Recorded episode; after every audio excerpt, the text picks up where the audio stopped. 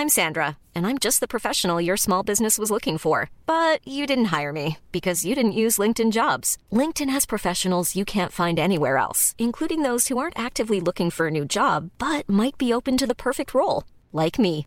In a given month, over 70% of LinkedIn users don't visit other leading job sites. So if you're not looking on LinkedIn, you'll miss out on great candidates like Sandra. Start hiring professionals like a professional. Post your free job on linkedin.com/people today.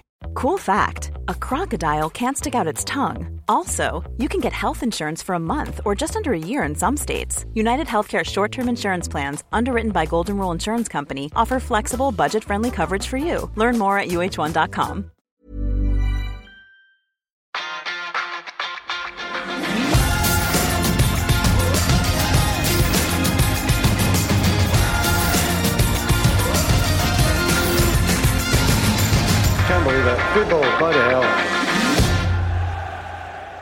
Hjertelig velkommen til eh, dagens hedersgjestepisode av Uno. Og dagens hedersgjest er kanskje den største hedersgjesten vi kan tenke oss, Fredrik. Det er det. Ikke til forkleinelse for noen andre, men eh, det hører med da at eh, dette er den mest etterspurte gjesten. Så eh, det er stort, meget stort, både personlig og for oss, å få lov til å sitte i stua til selveste Arne Skeie. Gleden er jo på min side, bare så det er sagt, gutter. Veldig hyggelig for oss å få lov til å komme hit. Eh, hvordan har du det? 80 år gamle Arne Skeie. Ja, jeg har det fortsatt bra. Det, det med alder er jo helt uvirkelig. Eh, men- alternativet, som min gode kollega Knut Bjørnsen bestandig sa, alternativet er verre. Det er det. Åssen er det å være deg om dagen, Arne? Nei, altså, jeg har det fint. Jeg har gode venner. eh, Prøver å få så mye ut av eh, denne pensjonisttilværelsen som mulig. Men eh, jeg får jo av og til dette spørsmålet Nå har du sluttet i NRK. Er du fortsatt slik at du følger med på fotball? Er du interessert? Og det er et utrolig spørsmål å få, da. Nesten litt Er det noen som tror liksom at ja, du jobber, med, du jobber i, i TV-sporten, men du er ikke interessert? Det ligger jo det i, i bunnen her, så det er et for, veldig forunderlig spørsmål jeg, jeg får. Jeg må jo si at jeg får jo fulgt med mye bedre nå på engelsk fotball, Manchester United, enn da jeg jobbet. For da var jeg mer eller mindre engasjert hver eneste helg. Ja, så selvfølgelig mye fotball den gangen, men ikke så mye som nå.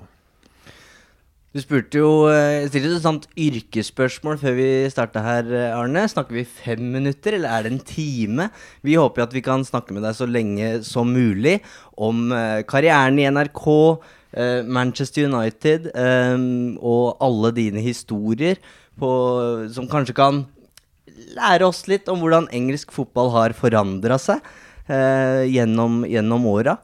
Um, men, men, først og fremst, Arne, hva, hvordan har det vært å på en måte følge uh, Manchester United litt sånn på privaten som pensjonist, når du ikke har, uh, som du sier, eh, det derre kommentatorgenet som er i sving dag inn og dag ut? Da vil jeg si at det er en god parallell til det jeg opplevde fra midt på 50-tallet til jeg begynte i TV- TV-sporten på 70-tallet. Så jeg hadde altså en periode på 10-15 år i hvert fall, hvor jeg var lidenskapelig, den gangen også, interessert i engelsk fotball, og spesielt da etter hvert Manchester United. Så det er for så vidt eh, en positiv overgang fra jobbingen min i NRK til nå, at jeg får enda mer tid til å følge med, på samme måte som jeg gjorde før jeg var så heldig å bli ansatt i NRK. Kan du Du har vært eh, ung gutt en gang, du også, Arne. Kan du ta oss med til hvordan blei denne gutten fra Skedsmo eh, interessert i Manchester United?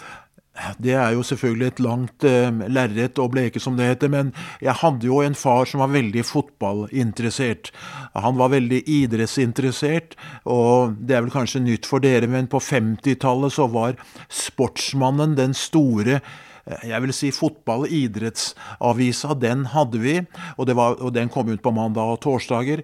Og det var veldig stort da å kunne eh, se bilder fra England, eh, se referater fra engelsk fotball. Det var noe som den gangen var veldig fjernt, men veldig spennende. For eh, vi, vi, hadde jo også engelsk fotball på tippekupongen fra 1948, så jeg hadde det innsmettet der. Så det var jo egentlig sånn det begynte. Sportsmannen så disse flotte bildene, så reportasjene, og da, da var det gjort. Og apropos eh, 6. februar, da. Eh, da eh, satt jeg hjemme og hørte dette tragiske fra München. Og om jeg ikke hadde vært Manchester United-supporter tidligere, så ble jeg det i hvert fall da. Og det var en uh, merkelig periode, for alle jeg gikk sammen med på skolen på slutten av 50-, begynnelsen av 60-tallet, de var Tottenham-supportere. Men eh, har du fått inn noe med jeg hadde nær sagt med morsmelka, så sitter det der. Så eh, du kan, du kan skifte koner og samboere og alt mulig, men du skifter aldri lag. Og det, det, Vi har jo vært gjennom noen vanskelige år eh, nå, Arne. Eh, og som du sier, historien til Manchester United er kanskje det som gjør den fotballklubben så utrolig unik. da. Og det som har vært vanskelig for mange, er jo at liksom, det er vanskelig helt å se identiteten til Manchester United gjennom de siste ti åra. Hvordan har det vært for deg? Føler du at arven etter Ferguson og, og, Busby har stått i fare for å Eller står i fare for å forsvinne? Nei, arven står ikke i fare for å forsvinne. Som eh, eh Manchester United-patriot i, i, i, veldig, veldig mange år, så eh, jeg skal ikke si det er noen parallell, men fra seriemesterskapet i 67 til seriemesterskapet i 93, så var det jo også en forferdelig lang, tung periode. Selv om innimellom så var det, var det jo store, store høydepunkt med europacupmesterskap og med, med gode prestasjoner, ikke minst cupmesterskap. Men selv på dette nivået med Manchester United i engelsk fotball, så går det jo litt i bølger om Manchester United vil jo alltid være der, selv om denne sesongen har vært tøff. United kommer alltid tilbake, men eh, fra Føgesen ga seg, så har det jo vært, eh, om ikke kaotiske forhold, så har det jo skjedd utrolig mye som eh, Eh, som eh, vi ikke liker, da, med alle disse byttene av managere og ikke en eh, jeg håper å si en fast lagoppstilling og veldig, veldig usikker. Men som sagt, dette tror jeg går i dette tror jeg går i bølgedaler, og United vil alltid, alltid komme tilbake med den posisjonen de har. En fantastisk klubb. Tenk på den. Og selv om det har gått dårlig, ingen problem med å fylle det største stadionet hos ligaklubbene. Over 70 000. Nei, det er bare imponerende. Du står jo godt rusta og bedre rusta enn oss til å tåle motgangen. Eh, tiårsperspektiv blir jo ikke så lenge man har opplevd et helt liv som United-supporter. Men du nevner noe med det du ikke liker med dagens fotball. Det er jo mye mer penger den dag i dag. VAR har kommet inn i fotballen. Hva tenker du om disse tingene? Hva gjør det med din interesse for fotballen? Ja, så Den blir vel nok ikke noe mindre. Da får jeg ta en eh, United-historie fra 1962. Da Dennis Law kom tilbake til Manchester United fra Torino, og det var en overgangssum på to millioner. Da var det mange av mine venner som sa nå orka de ikke engelsk fotball med denne forferdelige sløsingen i gåseøynene av penger og bruken av penger. Men det tror jeg dessverre eh, du ikke får eh, stoppet. Og det forteller jo også litt om denne fantastiske posisjonen engelsk fotball og fotball har, da. Når alle eh, i hele verden blir mer og mer interessert i, i, i fotball. Så den, den spiralen der, den får du ikke stoppet. og Du kan like det eller mislike det. Jeg liker jo ikke det, jeg heller, selvfølgelig. men bruker liksom ikke krefter på det, for det, det er eh, noe som er der. Når det gjelder VAR, så syns jeg jo det i utgangspunktet at tanken er veldig, veldig bra. Det skal være rettferdighet. Men det blir jo litt gærent når det går to, tre, fire, fem minutter med stopp i spillet, og, og noe av rytmen og hele opplevelsen ødelegges. Men jeg tror også VAR er kommet for å bli. Oh! That is absolutely phenomenal. Du har allerede tatt oss med tilbake til München-ulykken og til 60-tallet. Eh, Det er skummelt å lese opp fakta foran Arne Skeie, men du, har vært i, du var i NRK i 43 år. Eh, Og du kommenterte seks cupfinaler med Manchester United. Eh, Kan du ta oss med tilbake når NRK-kommentator eh, Arne Skeie reiser til Wembley for å, for å skulle kommentere Manchester United i en FA-cupfinale? Hvordan, hvordan var det? Ja, Det var jo for det første en privilegert oppgave når man er fotballinteressert. og får jobbe med fotball, det, det er jobben du har. Det er der inn, inntektene kommer. Fantastisk. Eh, det var jo hele tiden å forberede seg. altså det er jo mange som sier at ja, nå skal jeg på en jobb, nå må jeg forberede meg. Men den, den forberedelsen lå liksom i blodet. For man, når man er interessert i fotball, så kommer det ikke som en overraskelse at du skal på en kamp. Da jobber du med den. Men cupfinale på Wembley, det var selvfølgelig veldig stort. Den gangen leste jeg jo selvfølgelig alle eh, aviser jeg kom over, engelske aviser. Eh, fulgte med på, på BBC, eh, radio, så godt jeg kunne. Så jeg følte jeg var godt forberedt. Og når jeg da satte meg ned siste kvelden eh, før matchen, så var det å jobbe med det jeg kaller fakta, hva kan skje, osv. For å være så godt forberedt som mulig. Det å bli tatt med buksene nede, det kunne jeg ikke fordra. Hvis det, var en som, hvis, hvis det noen gang kom en til meg og sa det at eh, du Så du ikke den? Det kan jeg aldri se for meg at det har skjedd. jeg, har veldig jeg har en veldig god historie der som eh, svært få tror, men eh, de som står meg nær, vet det, for noen av dem var til stede. Det var fotball-VM i eh, 98. Da falt monitoren min ut på en englandskamp. Og jeg kommenterte, og etter 20 minutter så kom hun tilbake. Og da, den første jeg så da, var Rod Stewart, som satt i eh, bildet. Og sa det, og kampen er over. Og etterpå så fikk jeg høre fra vennene mine Eller spørsmålet kom Hvem var det som ringte og tipsa om at det var han? Så sier jeg nei, jeg, jeg så han først da, for bildet var borte. Og det er det veldig mange som ikke tror. Så det var, altså, det var noe jeg lærte av de engelske kommentatorene ganske tidlig. At en del produsere elsker å leke med kamera på den måten at de, de feier over stadion for å finne kjente personer. Så noe av rutinen min på tippekampene var bestandig å gå til den engelske kommentatoren og spørre hvem kommer du til å vise nå? Hvem kommer du til å vise? Dette Det- er rutine. Ja, for dette er imponerende, Arne. Fordi jeg føler at det er mange kommentatorers skrekk. Det der. Ja, det Den stillheten, det ansiktet de ikke kjenner igjen, som de kanskje helst skulle ha kjent igjen. Det er noen lange sekunder for en kommentator, potensielt. Jeg skal ikke nevne navn, men det var jo en kollega som kommenterte Manchester United én gang. Og da var det stadig vekk eh, eh, eh, Busby i bildet. Og da ble, var vel kommentaren noe sånn som at, eh, noe, at selv eldre menn eh, gleder seg over dette United-laget. Så det er eh, Nei, det, det, det, akkurat det var jeg veldig, veldig bevisst på. Å, å få, gå til den engelske produser eller kommentator. Hva åpner vi med i dag? Hvem, å, hvem er du interessert i? Går du på benken til United? Vi må jo bare være så ærlige og si at dette opplevde jeg altså for 50 år siden. Så TV-media, TV har jo utviklet seg noe vanvittig siden den gangen. Men dette er fortsatt en problemstilling i dag. Det Dette, dette er fag, og det understreker jo bare at du er like proff til fingerspissene som det vi trodde, Arne. Ja, det jeg har litt lyst til, Arne, er å bli eh, litt bedre kjent med deg som person i form av Når du skulle da kommentere store kamper og opplevelser som også var stort for deg personlig, ikke for, bare for arbeidsgiver, men som også var stort for deg personlig. Hvilke følelser kjente du på i kroppen før du skulle f.eks. kommentere en finale med United? Var det spenning og nervøsitet, ja, ja, eller Få høre. bestandig, bestandig eh, spenning og nervøsitet, for all del. Og det skyldtes vel at etter hvert så visste jeg om alt som kunne skje.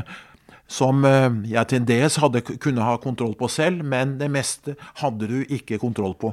Så det var bestandig spenning når jeg satt på Wembley eller på Old Trafford eller på eh, Highbury og og, og jeg hørte eh, studiomannen da i Oslo si at så er vi klare, nå skal vi over til den og den banen. Vær så god, ordner seg. Det var, var spennende. Men det, det lærte jeg også av Knut Bjørnsen. Det var, eh, at det er veldig, veldig lurt å ha de to første linjene skrevet ned.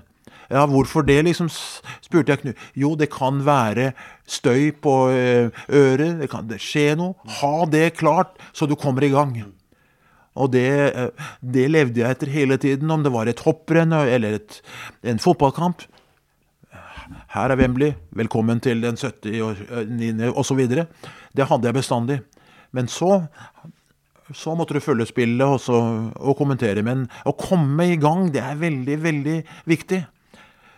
Uh, jeg har hatt mange eh, det, var jo, det var jo slik i England, nå snakker vi om på 70-tallet, at det var kamper hvor eh, eh, lyden eh, Du hadde Du hadde ikke med deg Oslo på øret før kampen. Du visste ikke om du var igjennom, men eh, som regel var du igjennom. Og da var regelen, hvis du ikke hørte Oslo, begynn å kommentere på avspark.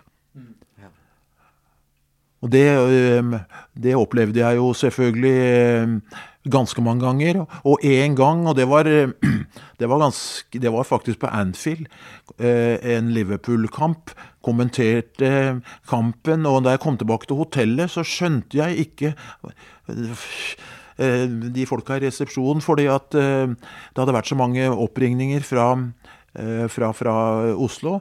Og da hadde de altså ikke fått kontakt med meg. Og det, og ingen lyd igjennom, og da, forsø- da forstår jeg jo at eh, de er litt oppbrakt hjemme. Så du kommenterte en hel kamp uten å Ja kommentere? kommentere? jeg gjorde det. Jeg gjorde det. Jeg husker veldig godt kampen fordi at eh, det var, ja, det var Middlesbrough. Jackie Charlton var manager. Snakket med Jackie Charlton på hotellet før kampen, og da han hørte jeg var fra Norge, så var det bare må, må hjelpe oss slik at vi kan få Tom Lund over til engelsk fotball. Det, den, den sitter fortsatt. Men eh, ikke et sekund, ikke et ord fra Arne Skeie fra kampen mellom Liverpool og Middlesbrough. Du trekker opp eh, årstall og navn her uten å tenke deg om gang. Eh, Det er imponerende. Og du satte jo en standard for eh, hva gjelder fakta i eh, kommentering på, på norsk TV. Eh, Hvordan har det forholdet til, til fakta Hvor kom, kom det fra? Det er veldig greit å svare på, fordi at tidlig på 60-tallet så hørte jeg BBC. Da var det Brian Moore som var radioreporter. Han som senere ble kommentator på ITV. Så ble jeg jo ganske fort kjent med disse engelske kommentatorene og hørte dem. Og jeg skal ikke plage dem med alle navn, men eh, eh, det var forbildene. Jeg må gå så langt og si at det var på mange måter forbildene mine, altså. John Motson, eh, Brian Moore, eh, etter hvert Martin Tyler. Og de er eh, eh, er vel de som på en måte eh, formet meg, for å si det på den måten. Det, dette skal med. Dette er viktigere. Faktaene er der. Vurderingene de er bestandig subjektive, men fakta Hvis det er et poeng hvis, eh, by, Jeg husker så godt liksom eh, Barry Davies på noen eh, store kamper kommer til meg 'By the way, Arne, husk i dag så er det sånn og sånn'. Ja, jeg er klar over det. Og det var veldig veldig nyttig og veldig hyggelig altså, å være sånn innpå de engelske kommentatorene. Som vi alle vet, sa du jo gjerne Ja. til eh, seerne, og så var det jo egentlig bare Arne Skeie som, eh, som visste det. Å nei, det, jeg, det, det skal dere vite at jeg har aldri undervurdert eh, seere. Der ute er det så mange som kan mer enn, jeg er fælt å si det, enn oss til sammen. Så un undervurdere seere må du aldri gjøre. Det merker vi òg. Våre lyttere har, eh, de har stålkontroll på det meste, så vi blir arrestert om vi bommer på det ene eller det Ja. andre. Sånn skal det være. Ja. Hvordan var tilgangen på, på spillerne på den tiden? Eh, den var vel eh, Altså, det, det var jo slik at dette er, jo, dette er jo nesten sånn at vi går tilbake til arkeologisk tid. Vi var jo den gangen Jeg kom jo ikke med med en gang. Var, det var tre fire sesonger før jeg begynte å kommentere. Men vi var jo den gangen veldig happy bare for at vi var der. Men etter hvert så kom jo, så kom jo da dette ønsket om å, å lage intervjuer. Og en ganske hi interessant historie fra 73. Leeds eh, Strømskog spille Europacup eller Messebycup mot Leeds. På, i, i, i Leeds da, og jeg spurte om jeg kunne være med på den kampen, lage til Kveldsnytt, men være igjen i England og lage stoff til eh, tippekampene. Og jeg husker den gangen som eh, det var nesten var i går, ja, for alle kollegaene sa det må du gjerne gjøre, men det er ikke et spille som eh, stiller opp hvis du ikke betaler i store summer. Nei, men jeg kan jo prøve. Og det gjorde, det gjorde vi, og da etter, etter Strømsgodset Leeds-kampen så var det jo ikke noe problem når vi kom på dagen etterpå på treninga til Leeds. Alle stilte jo opp. Vi dro til Liverpool, og eh, Kevin Keegan var jo den hyggeligste. Det var jo aldri snakk om penger. Og dagen etter så vi, dro vi til Wolverhampton. Da spilte United der. Og da var det Tommy Dockerty selvfølgelig, og George Graham som var kaptein, stilte jo opp i garderoben etterpå. Så det var i gåsehud en liten seier for meg, da, som når jeg kom tilbake og folk trodde at vi hadde på en måte tømt hele, hele budsjettet til NRK på den turen. Så det var en veldig, veldig hyggelig opplevelse. Men det var en annen tid. og det bare husker, sånn som Med Keegan så var det noen som sa det at nei, Liverpool trener jo et annet sted enn på Anfield. Så en jeg snakket med, sa at jeg ville, jeg ville ikke gå, dratt på trening for å få de bildene, dere mister noe, men stå på Anfield og ta tak i Keegan når han er dusjet og går til bilen. Og det gjorde vi, og der sto vi og hadde en hyggelig samtale i en uh, time. Og det var jo aldri snakk om fra Keegan noe penger. Men det var ingen som trodde da jeg kom tilbake at ikke disse stjernene spurte om mye, mye penger. Så sånn var det. Men du har jo takka nei til å møte en av de aller, aller største også. Ja, det, det, du er godt orientert, og det Jeg liker intervjuere som kan sakene sine. Ja, jeg vet ikke om vi snakker om Pelé. Ja, nei, ja da har du takka nei til flere. Ja. Eh, for du har jo Men la oss begynne med Pelé. Pelé, ja. Det, det skyldtes eh, kort og godt han var i Sverige, og eh, jeg, på grunn av at eh, sønnen min ble født, så fant jeg ut at det faktisk var viktigere enn å dra og møte Pelé. Men det er klart, i ettertid så hadde det vært morsomt å ha hatt den òg, Ja. på CV-en. Det er klart. Ehm, jeg tenkte på sir Bobby Charlton. Som du uh, fikk muligheten til å besøke i uh, Å ja, nei, den, den er jo helt fantastisk. Altså det, hva du kan, hva du kan og hva du minner meg på. Og det er jo også helt uvirkelig. 1966, England på tur i Skandinavia før VM mot, uh, mot Norge på Ullevål. Og var jo relativt gæren den gangen og sto utenfor garderoben til, Norge og Norge og England da, de hadde jo felles inngang der på den, eh, på den eh, andre siden enn i dag. Og så var det en, en vakt som Jeg har liksom aldri forstått det. En vakt som sto der, så kom han bort til meg og så sier han det. Du er vel du er veldig interessert i engelsk fotball, du? Ja, jeg er det. Har du lyst til å komme inn i garderoben og snakke med folket? Ja, da, ja, hva svarer du til det? Ja, selvfølgelig, men er det mulig? Det, var mulig. Kom inn der, og, og det, det jeg husker mest sånn i ettertid, det var um, Ramsey som sto der, og spillerne som satt og drakk te. Ja. Kvarter, 20 minutter før avspark. Men da var det jo Det ble ikke noen dype samtaler, men det var liksom hilse på. Jeg fikk jo sagt at jeg hadde et lag jeg fulgte med i England, og det var jo en relativt viktig spiller fra det laget som satt i den garderoben. Så det er jo en fantastisk opplevelse. I dag er du jo ikke i nærheten av å komme inn. Du kom, ja, Du kom jo ikke i nærheten av eh, en, en eneste garderobe. Så det var, det var en stor opplevelse. Fortell oss om eh, Bobby Charlton. Vi eh, må jo se på gamle klipp. Du har eh, sett Bobby Charlton spille fotball. Eh, Ja, nei, han Altså, det det er, for, det er forskjellige tidsepoker, selvfølgelig. Men for meg så står jo Bobby Charlton som en av de aller største historien. Den fantastiske karrieren han var med på å bygge opp på 50-tallet. Så München, overlevde tilbake. de, t- traurige årene da det, i 61, 62, 63. Og så United tilbake med seire både i 65 og 67. og ja, og verdensmesterskapet og Europacupen i 68. Det var for meg Ja, det var Manchester United, men det var veldig mye Bobby Charlton. Er det han som er den største for din del? Ja, han er, er nok det. Altså, er nok det, for at det var jo han jeg så opp til. Det var han som på, mer, Han var jo en av de som eh, påvirket meg sterkest til at jeg ble Manchester United-supporter, og det faktisk eh, en par år da, før München. Det var jo mange, var jo mange som kom med, hadde sympati etter München-ulykken, men Bobby Charlton var der, omtalt da i den nevnte Sportsmannen, og nei, Bobby Charlton var en fantastisk eh, spiller. og ja, jeg er, glad for at jeg fikk sett den. Og så er veldig, når jeg snakker om Bobby Charlton, så er, eh, syns jeg også det er moro å kunne si det at jeg har fått oppleve både Charlton, Best og Law i samme kamp. De tre som har blitt kåret til Europas beste spillere, de var sammen da jeg så dem i 1967. Det var jo også utrolig. Skjønte du da at det var stort? Var det Ja, jeg, syns, jeg skjønte jo at det var For meg, da jeg dro i 64 til England første gang for å se fotball, så syns jeg det var veldig stort.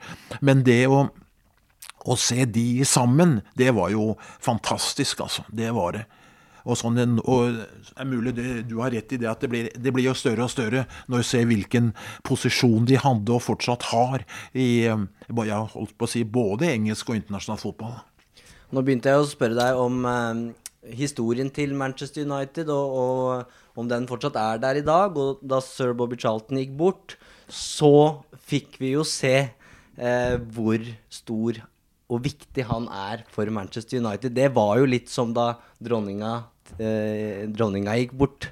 Eh, dette her, det var en uke med sorg i Manchester. Ja da, det, det forstår vi godt når vi tenker på Han er jo kontinuitetsbæreren på mange måter fra det store laget på 50-tallet og nå fram til de store lagene på, i dette, øh, dette århundret. Så nei, det er ingen tvil om Bobby Charlton er en, en av de aller, aller største idrettsmenn faktisk i, i Storbritannia igjen. Og ikke bare fotballspiller, fotballspiller, så troner han jo helt der oppe, men også som idrettsmann og menneske.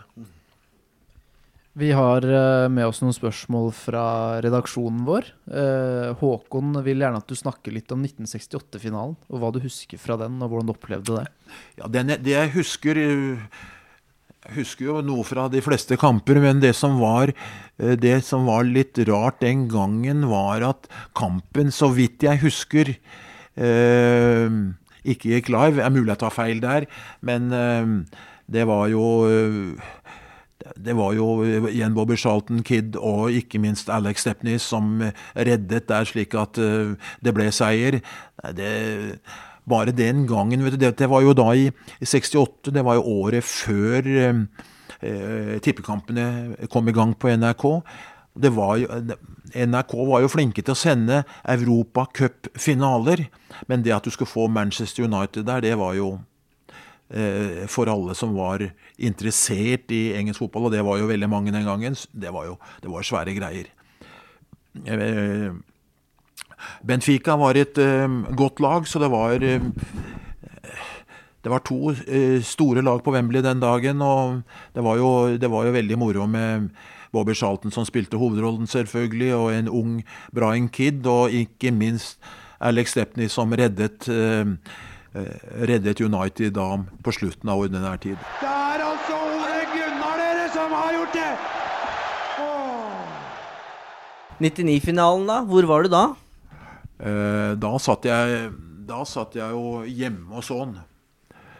Så det, det med Nei, det med Ole Gunnar og ta igjen 0-1 og to, vinne 2-1 på Nei, det var, det, var, det var svært. Hjemme i denne stua. Hjemme i denne i TV-stua. TV jeg har eget, eget såkalt furterom hvor jeg sitter og ser alene. Så nei, det var, eh, det var stort. Og jeg tenker som så når Når får vi sånn en opplevelse, selv om vi fikk det noe senere da med Barcelona, så ser jeg ser jeg at det er en liten stund fram nå hvis vi ikke, hvis vi ikke blir nummer eh, fire og kommer oss med i Europa igjen. Men eh, men det går i bølger, og det er, det er noen år fra 67 seriemesterskapet til nytt seriemesterskap i 93, så ha god tid på oss for å komme tilbake og ja. Men la oss spole litt tilbake til uh, turen opp på loftet her, da. Uh, I 99. Uh, Mario Basler skårer etter seks minutter. ja. Hvor, eh, hvordan er du som møtesupporter når den skåringen går inn? Nei, altså jeg eh, Da, da frykter jeg jo at eh, Ja, det var en finale, men eh, Men eh, jeg tror ikke det blir eh, Jeg tror ikke det blir noe mer enn minne om en finale. Det var tanken jeg hadde da, før disse geniale byttene kom. Ja, for hvor, hvor er du i følelsesregisteret når uh, Solskjær sin tå dukker opp Jeg er nok ganske høyt oppe, og derfor så eh, foretrekker nok eh, kona at jeg sitter for meg selv når det er sånne ting. Så det kan bli høylytt med Arne Det kan, nok, altså. det kan nok bli fortsatt høylytt når eh, det er ting jeg reagerer på, og da først og fremst eh, positive reaksjoner. Hva er din største liveopplevelse i United-forbindelse, Arne? Nei, jeg tror nok, øh, og det har noe med at øh, Jeg tror nok, jeg skal være så ærlig at det var europacupseieren mot Benfica i 68.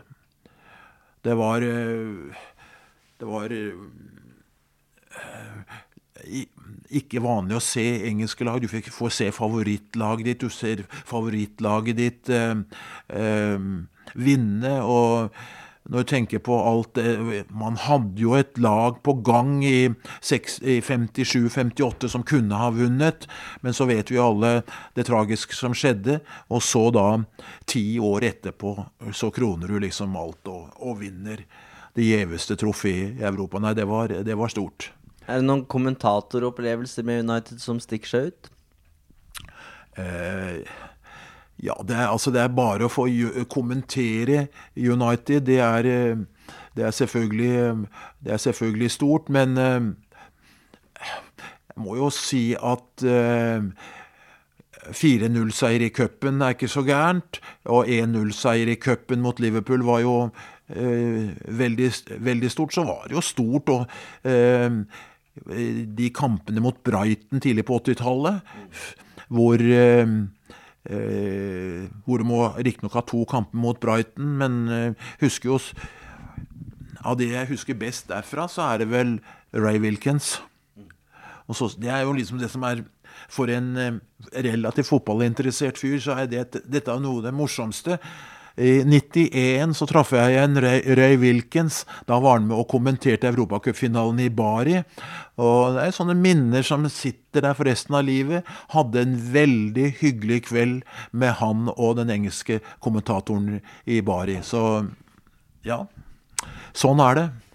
Veldig privilegert fyr fra Skedsmo som har fått oppleve alt dette. Det er, det er stort, for å bruke det ordet. Men få høre, Arne, for du snakker jo om din lidenskap for fotball. Men for mange så er jo starten på interessen for fotball, den starter også med din stemme. Din lidenskap gjennom TV-en. Bjarte hos oss blant annet sier det. Vil takke deg for hvilken lidenskap og engasjement du skapte hjemme i TV-stua hans, blant annet. Hvordan forholder du deg til det?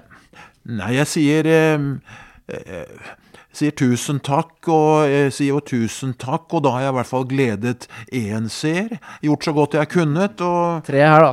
Bjarte, Ja, meg i hvert har fall. jo gledet det, Og det mange er, flere, bare så det er sagt. Ja, nei, altså det, prøve å gjøre jobben så godt som mulig, men så er det jo slik med det med å kommentere fotball spesielt Det er, det er jo ikke noe mal på det. det er jo ikke Du må finne din egen vei.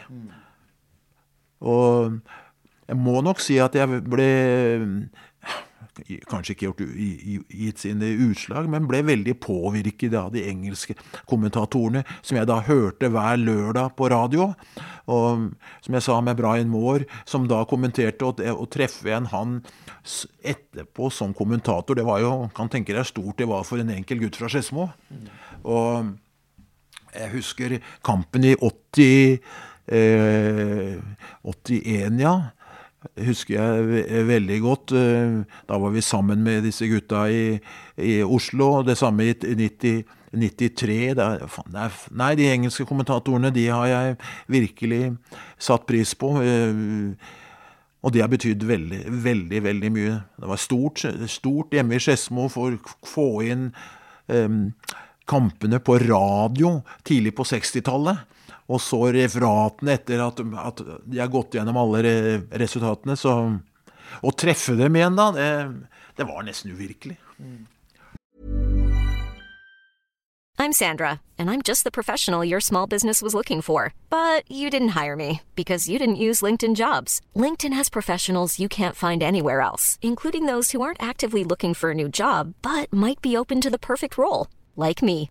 In a given month, over 70% of LinkedIn users don't visit other leading job sites. So if you're not looking on LinkedIn, you'll miss out on great candidates like Sandra. Start hiring professionals like a professional. Post your free job on linkedin.com/people today.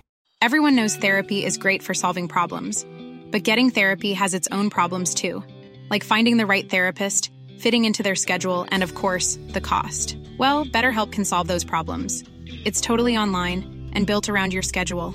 It's surprisingly affordable too. Connect with a credentialed therapist by phone, video, or online chat, all from the comfort of your home.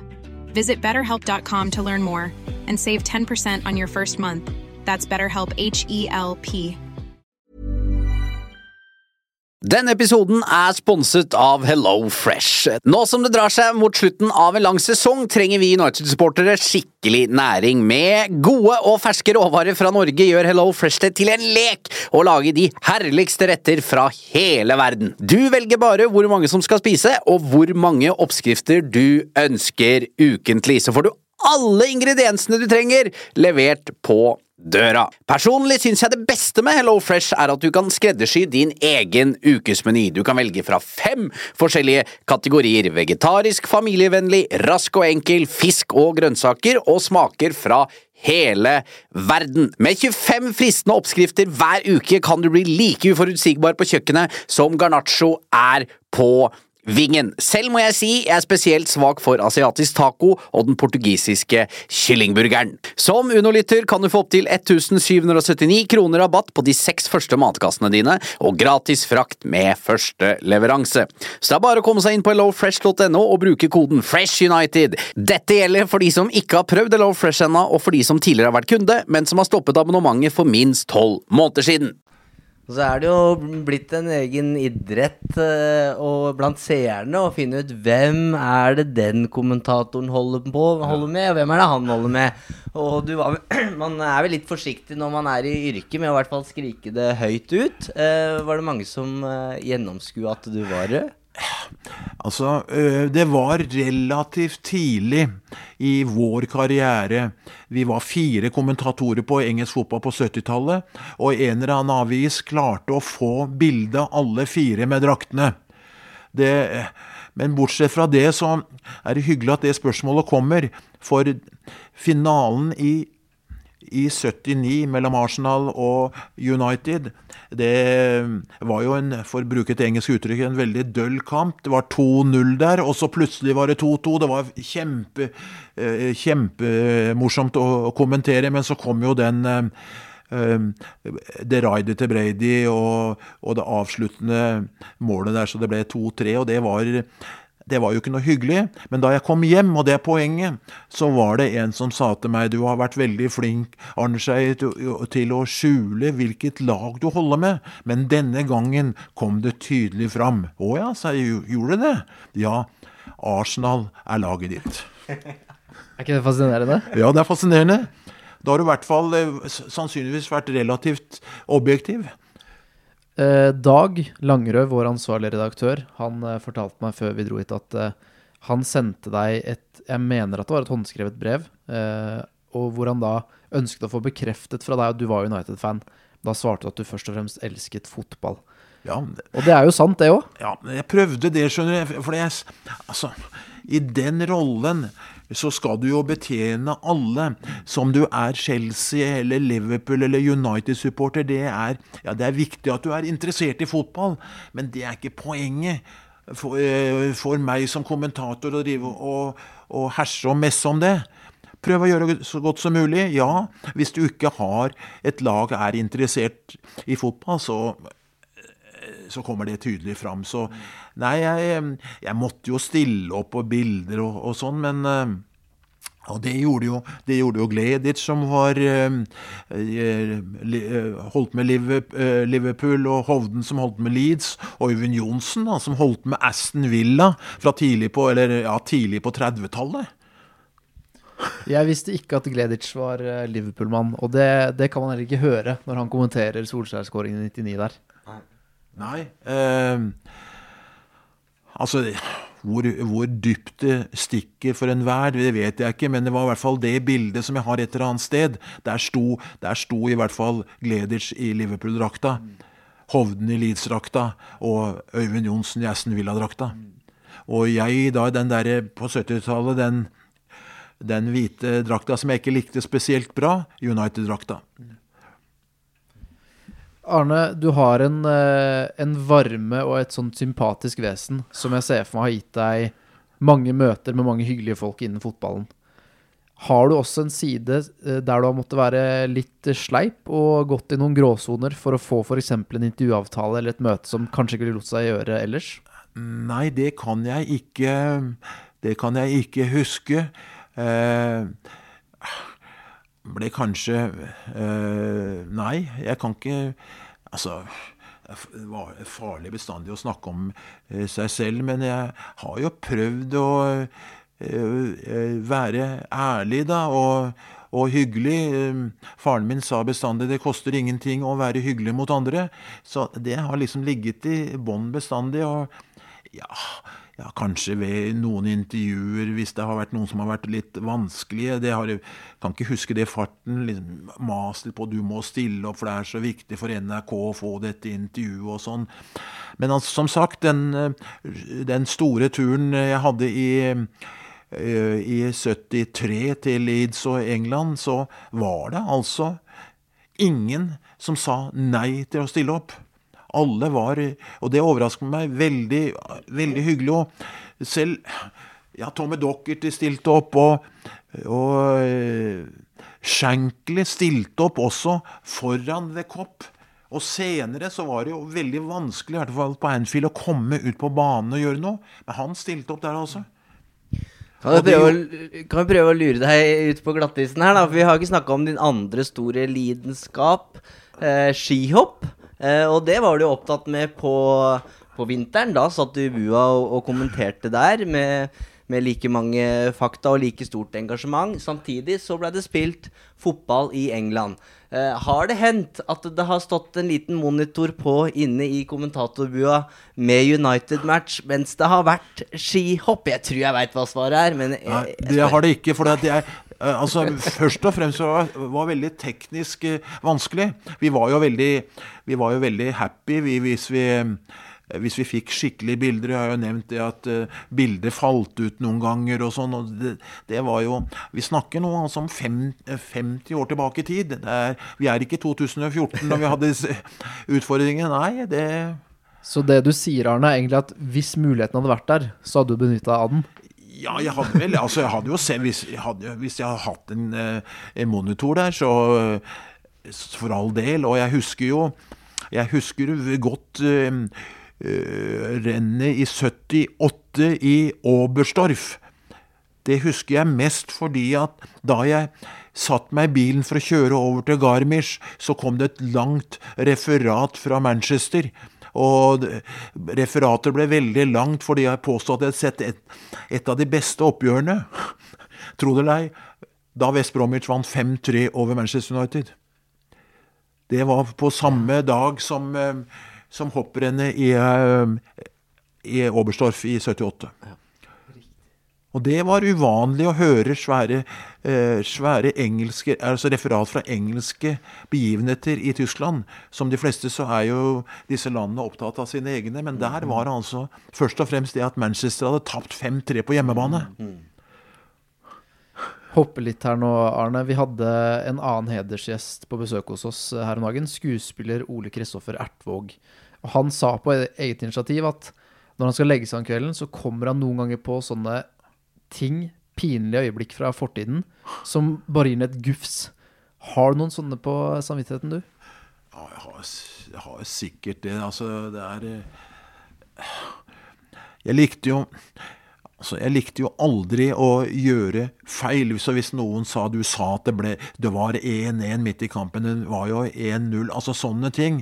Så jeg det er noe med det at Fakta er fakta. Det får du ikke gjort noe med. Men eh, som jeg sier mange ganger, eh, når det gjelder vurderinger, så er det subjektivt.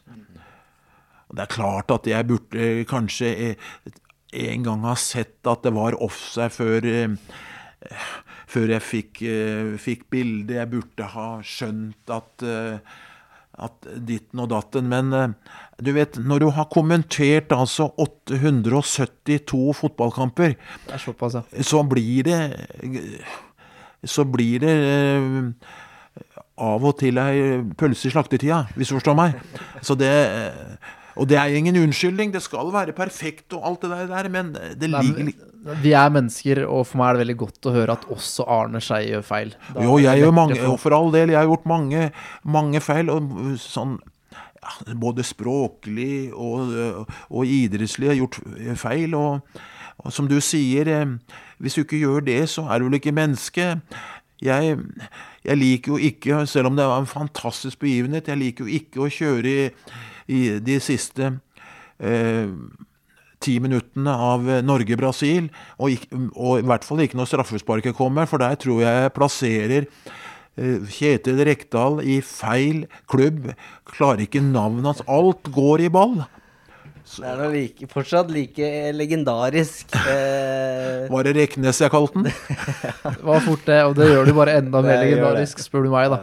Jeg mener, Arne, eh, i og med at du nå nevnte Norge-Brasil selv, så tror jeg du refererer til et overgangsrykte midt i kampen der, om at Roberto Carlos Fakta er viktig her, og nå tar jeg forbehold om at jeg nevner feil spiller, men jeg tror du refererer til tysk eh, tekst-TV eller noe, at Manchester United jakter denne brasilianske venstrebekken. Husker du det? Nei, jeg husker ikke det, men eh, hvis eh, er tilfellet, så er, har jeg jo da sett og ser det som en veldig god sak, for han var jo han var en relativt god spiller, for å si det mildt. F- få han til United hadde jo vært også veldig bra.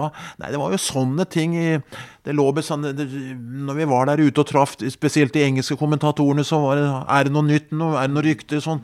Kunne, jeg kan ikke huske at jeg snakka med BBC eller ITV foran den kampen, og jeg kan vel ikke huske at jeg sa det heller. Jeg har en gang kjørt gjennom hele matchen, men eh, ja. Nei, for det, er jo dette med forholdet til tekst-TV, da, som også sto nok litt Det er nok uforståelig for veldig mange av lytterne våre også. Ja. Jeg har jo et uh, sterkt forhold til tekst-TV, men det er nok siste av min generasjon, på en måte. Ja. At eh, de som kom etter meg, da var tekst-TV for gammelt. Ja. Så ditt forhold til tekst-TV, det var viktig. Det var viktig. Eh, Det var vel eh, var ikke 83 det kom, og det begynner å bli over 40 år siden det òg. Da var det den gangen veldig stort, og nå er det borte, så Nei, vi jaktet jo bestandig, som jeg sier, jeg har sagt noen ganger nå. Vi jaktet på Ved siden av å kommentere, så var det jo veldig fint å kunne komme med en nyhet hvis vi hadde fått det. Prøvde jo på det òg, da, men det var ikke bestandig så enkelt. Men eh, nei, det med Carlos, det Men du snakker jo om at du, måten du forberedte deg til kamp før du skulle kommentere, skulle lese alt av aviser, sjekke tekst-TV, gjerne bort til den engelske produseren for å sjekke hvem er det som skal filmes på tribunen. Ja. Um, og så er du plutselig ferdig som, som fotballkommentator og skal i, i hermetegn da, få lov, få friheten til å se fotball eh, som eh, La oss kalle det underholdning. Så når du setter deg opp i furtestua, som, som du kalte det, forbereder du deg fortsatt like godt før Manchester nei, nei, United skal nei, spille Å nei, nei, nei. Da er jeg liksom eh, veldig opptatt av lagoppstillingen. Er det noe nytt der? Eh, har det skjedd noe? Går inn på nett og ser er det skjedd noe i eh, engelsk fotball og alt det der. der og, men eh, jeg må jo si det at etter eh, nå, etter at jeg sluttet i NRK, så var jeg jo så heldig da i i mange år å få være med Norsk Tipping bortover. Og det var, det var svært, altså. Det var svært. Og jeg må jo si det at um, noe av det største når du er Manchester United-supporter, det var da Ole Gunnar var der. Jeg husker eh, en gang det, eh, en kamp så lurte vi liksom på hvordan eh, hvordan billettene var og sånn. Så sa han nei, det, det går greit, sa reiselederen, for Ole Gunnar sa at han skulle komme med de billettene. Og det gjorde han jo, og det var jo i eh, Directors Box. Det var fantastisk, altså. Der var de alle sammen. Apropos Bobby Charlton. Alle var til stede, og disse gutta De andre som var med på denne tippeturen, de, jeg tror de fortsatt eh, drømmer om den begivenheten, altså komme beste plassen og være sammen med de, eh, de virkelig koryfeene. Nei, det var, eh, det var en opplevelse. Og det blir jo liksom ikke det samme da neste kamp å bli sittende langt bak mål, altså. Det gjør ikke det, når jeg, verken når det gjelder omgivelsene eller når det gjelder oversikten eller noen ting. Hørt noen rykter om at du, eh, du og Ole Gunnar er med på noen quizer sammen innimellom? Ole Gunnar er en eh, bra, bra quizer, det er han. Så Få høre. På hvilken måte er han en bra quizer? Dette må, eh, må vi eh, Må vi snakke om dette, så må, må jeg jo si at eh, jeg har vært, vært på quizlag, men jeg quizdager. Men Ole Gunnar har aldri vært på laget mitt. Nei, så dere har quizer mot hverandre? Ja, quizer på en måte mot Konkurrert. Ja, En god motstander, ja, han eh, Hva er hans sterkeste felt, vil du si, innafor quiz? Ja, Jeg vil jo si at, eh, at det er eh, likhet med undertegnede, så er det jo de store idrettene først og fremst da eh, fotball, vil jeg tro. Det er jo gøy å se noen gamle klipp fra tida da Ole Gunnar var i, i United. Og, og se når de er på disse borteturene i Europa og har da gjerne litt tid på kvelden etter middag eh, eh, dagen før match, hvor det ofte blir arrangert quiz.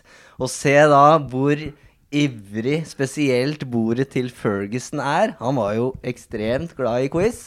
Og ikke minst hvor, eh, hvor sint Roy Keane blir, fordi han mener at dette er urettferdig eh, Nei, behandling. Quiz er stort, det er helt sikkert. Men blir det dårlig stemning hos dere også, eller er det bare trivelig? Nei, det er bare, eh, bare trivelig. Men det er jo sånn med alle at man vil jo helst vinne.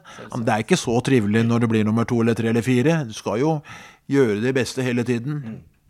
Og så jeg hadde, Men dette er jo lett eh, greit, for jeg fikk, på siste quizen så fikk jeg spørsmål om jeg kunne lage noen, ja, men det, det, kan lage alt mulig. Men hvor skal det er hele tiden hvor skal lista ligge? Så da hadde jeg jo et spørsmål som eh, United-supportere vel har eh, har på hæren, det var spørsmål var som følger. Hvem var den første eh, kaptein i Manchester United som ikke kommer fra Storbritannia eller Irland? Det var det spørsmålet jeg fikk anledning til å stille. Og det er eh, Den, denne lar vi bare ligge i lufta, og så Ja. lar vi lytterne få lov til å prøve Ja, seg på jeg hadde, jo, ja. jeg hadde jo den samme Nå er jo dette Manchester United, ikke Liverpool. Og jeg hadde det, den samme med, med, med Liverpool. Der har jo de nå fått sin andre kaptein, som ikke er fra Storbritannia og Irland. Men hvem var den første i, i Liverpool? Som har over 100, har 100 kamper for sitt eh, land som landslagsspiller. Men eh, dette var, det var litt på siden av det dere skulle snakke om. Ja, Liverpool er litt på sida, Ja. men, men den United-quizen er fin. Den, den er sender vi til våre lyttere, og så vanker det en premie til, eh, til en av de som svarer rett. Ja.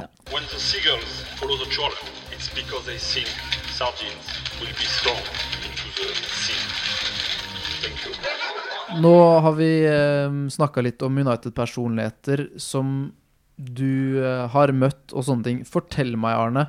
Hvilken United-personlighet har du møtt som har gjort størst eller best inntrykk på deg?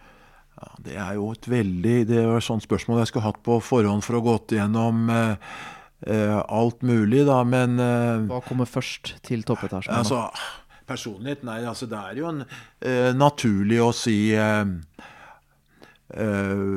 Ole Gunnar, da. Hvorfor det? Nei, fordi at han er nordmann, alt han har opplevd, og den, den fine gutten han er. Og det samme gjelder jo eh, Nå kjenner jeg ikke Ronny Johnsen så godt. Det samme gjelder jo Henning Berg, som jeg kjenner godt. Så jeg kunne ta med de som For all del, tatt med dem, altså.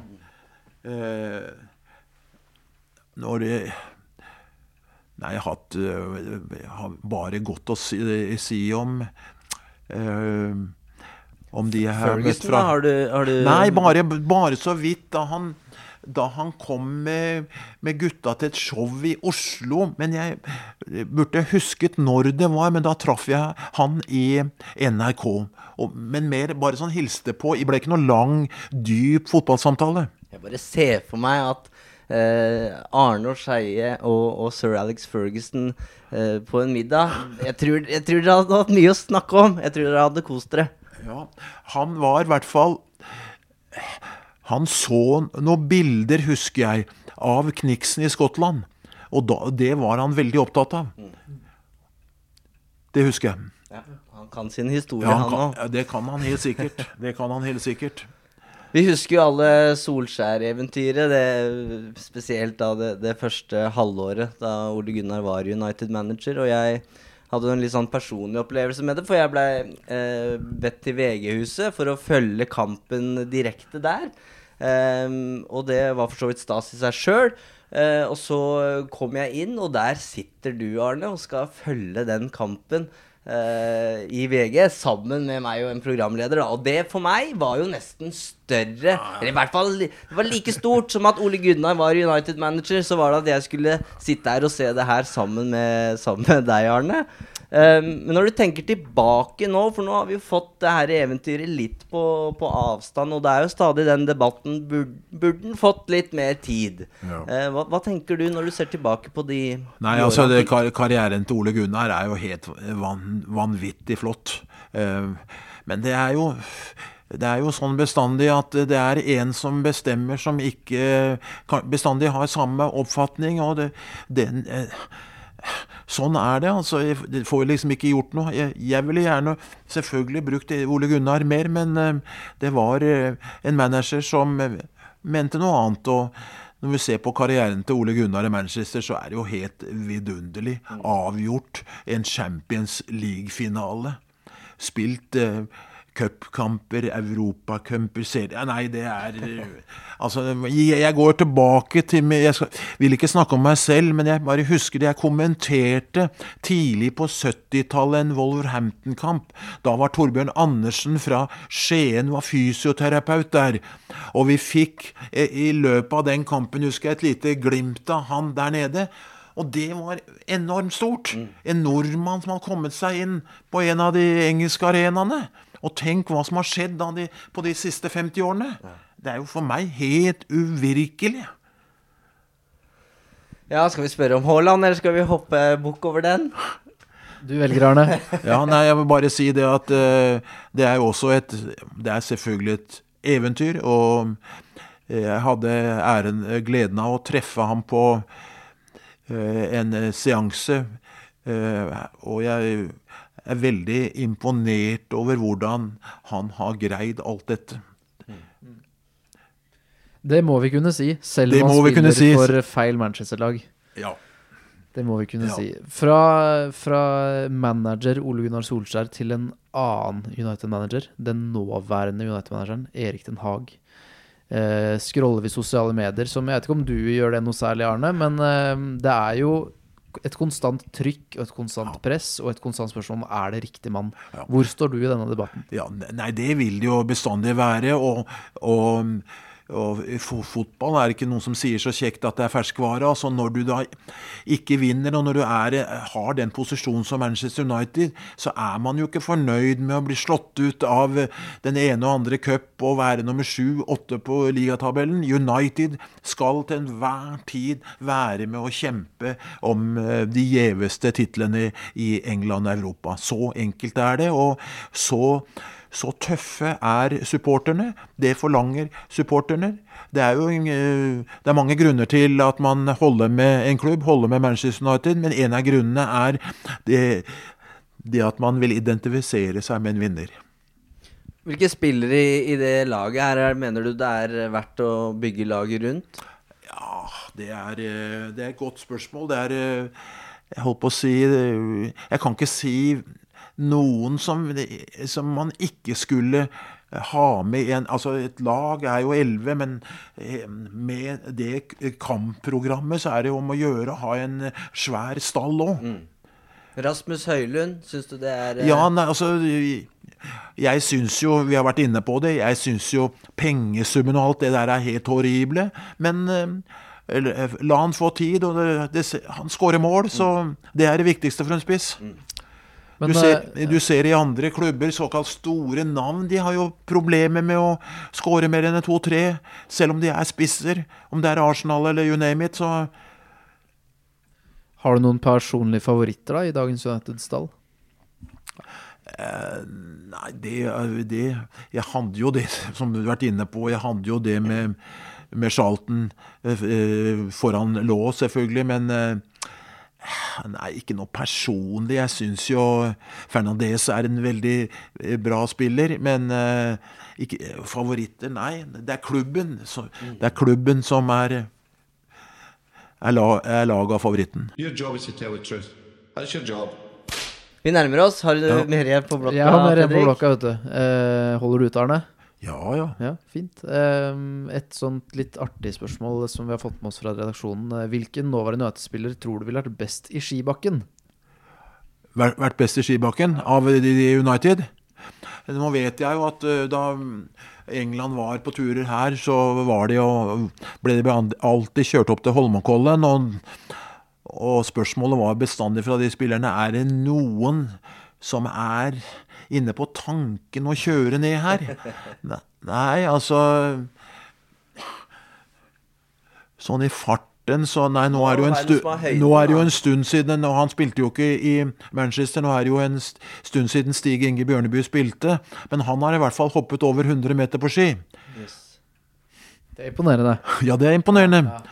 Så nei, nei, jeg tror ikke du skal sette disse spillerne på, eh, på ski. eh, Og det er vel Jeg har- jo fått med meg Var det i eh, Ja, var det en- av engelske klubbene hvor spillerne hadde vært på skitur, og de hadde, noen hadde sett dem med ski på beina, og det var, det var ikke bra.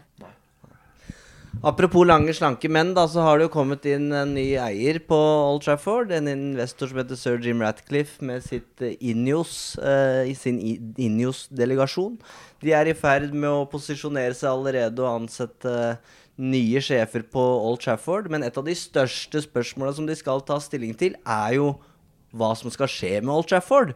Eh, for den trenger mer enn bare et malingsstrøk. Eh, det må enten pusses opp, renoveres. Eh, eller så må det rives og bygges. Ja, jeg ser med en gang hvor vi, hvor vi havner her. Men hva, hva tenker du? Fordi mye av det den identiteten og historien som vi har snakka om i dag, den sitter jo i veggene på Old Trafford. Den må man prøve å beholde, men hva man gjør Det er klart at når du har vært, på, vært i, inne i korridorene også på, eh, på Old Trafford, så skjønner du at noe må gjøres. Men vi snakker vel her for å få dette tipp topp moderne, så er, er det ikke bare millioner, blir vel milliarder av, det, av en eh, slik sum. Så nei.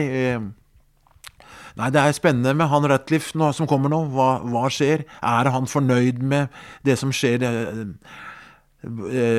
på banen? Er han fornøyd med det sportslige? Det er veldig, veldig viktig. Og så er det veldig viktig Det er jo mange kamper igjen, så en god avslutning til, av United, så er de jo med oss. I hvert fall eh, snuse på en fjerdeplass og Champions League neste sesong. Det hadde vært veldig viktig. Hvis jeg forstår deg riktig, så bør vi beholde Old Trafford oh, ja, som ja. det står Hvis jeg ikke svarte på det. Old Ja, Trafford må være der, ja, for all del.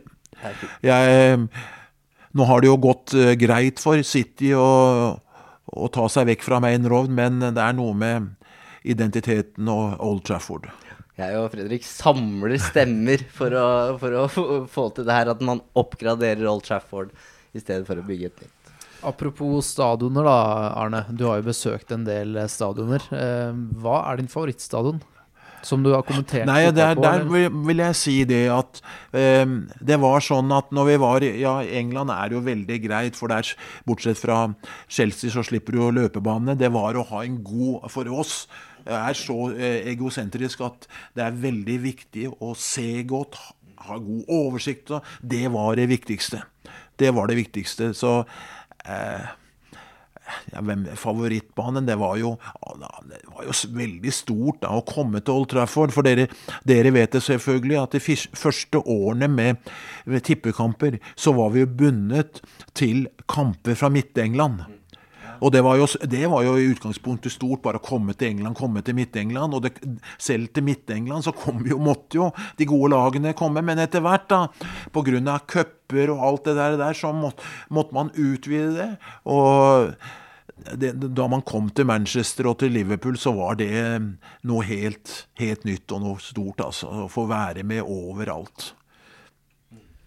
Vi eh, pleier jo vanligvis å hente inn spørsmål fra lytterne våre. Det har vi ikke gjort denne gangen, fordi vi ønska rett og slett at dette skulle være en stor, gledelig overraskelse at vi har Arne Skeie som hedersgjest. Så igjen så må jeg bare henvise til spørsmål fra Bjarte Valen hos oss. Ja, Eh, for du har vært mange stadioner, men også sett mange fotballspillere i aksjon. Hvis du har tid og ork og lyst, så ønsker Bjarte å høre din drømmefotballelver. Og da eh, tror jeg du kan velge United-elver eller engelsk fotball. Ja Har du men, tid og lyst til å gjøre det? ja, der? men der vil jeg gjerne ha tid, så da får, vi, får jeg gjøre det og sende det til dere. For at Jeg, jeg skulle si, Dette er nok en av oppgavene Arne ville hatt et par uker i forveien. Det kan jeg se for meg, og det er Nei, forståelig. jo, jeg, var jo, jeg var jo relativt gal allerede på 60-tallet, som dere s- s- eh, sikkert vet. Og eh, Football Monthly, det var et fagblad i England som kom ut da en gang i måneden. Der hadde jeg faktisk Der fikk jeg inn et innlegg tidlig på 60-tallet. Hvor jeg da av en merkelig grunn mente at eh, Storbritannia burde ha et felleslag. Altså ikke bare England-Skottland. Så det, det tok jeg vare på. Det var uh, mye rart. Men uh, det rare var at en, en norsk stemme, øh, en norsk skribent, får jeg vel si, kom, øh, kom, fikk uttrykke seg der i Monthly. Men øh, det er noe jeg har tatt vare på. Det er jo ikke mer enn 60-70 år siden, så I OL i London så hadde jo Storbritannia et, eh, et fotballag ja. som Ryan Giggs var kaptein for. Hvis Ja, ja, det var det var vel egentlig et U23-lag, og så hadde de lov til å ha noen overårige spillere. Nei, nå er jo ikke den diskusjonen der lenger med at fotball i OL Nå har jo fotballen sitt VM, og det, det med OL det vil Ja. jo ikke skje. Selv om det I Norge så har vi jo gode minner til OL-fotball og 36 Ja. osv. Det er noe annet. Vi har snakka om uh, mye, Arne, men er det noe du føler at vi enten burde spurt om, eller som du tenker at dette vil jeg fortelle eller dele?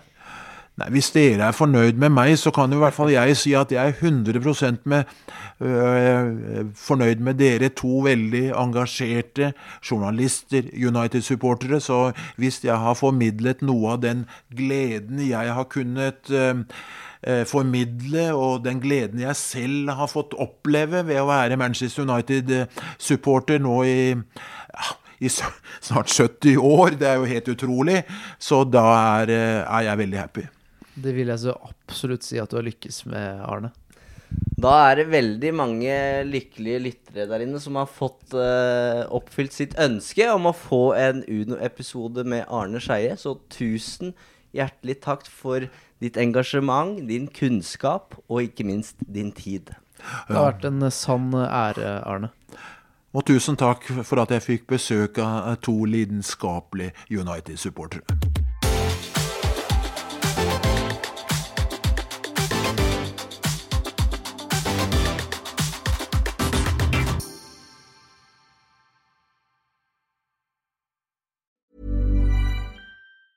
Mom deserves the best, and there's no better place to shop for Mother's Day than Whole Foods Market. They're your destination for unbeatable savings, from premium gifts to show-stopping flowers and irresistible desserts. Start by saving 33% with Prime on all body care and candles. Then get a 15-stem bunch of tulips for just $9.99 each with Prime. Round out Mom's menu with festive rosé, irresistible berry chantilly cake, and more special treats. Come celebrate Mother's Day at Whole Foods Market.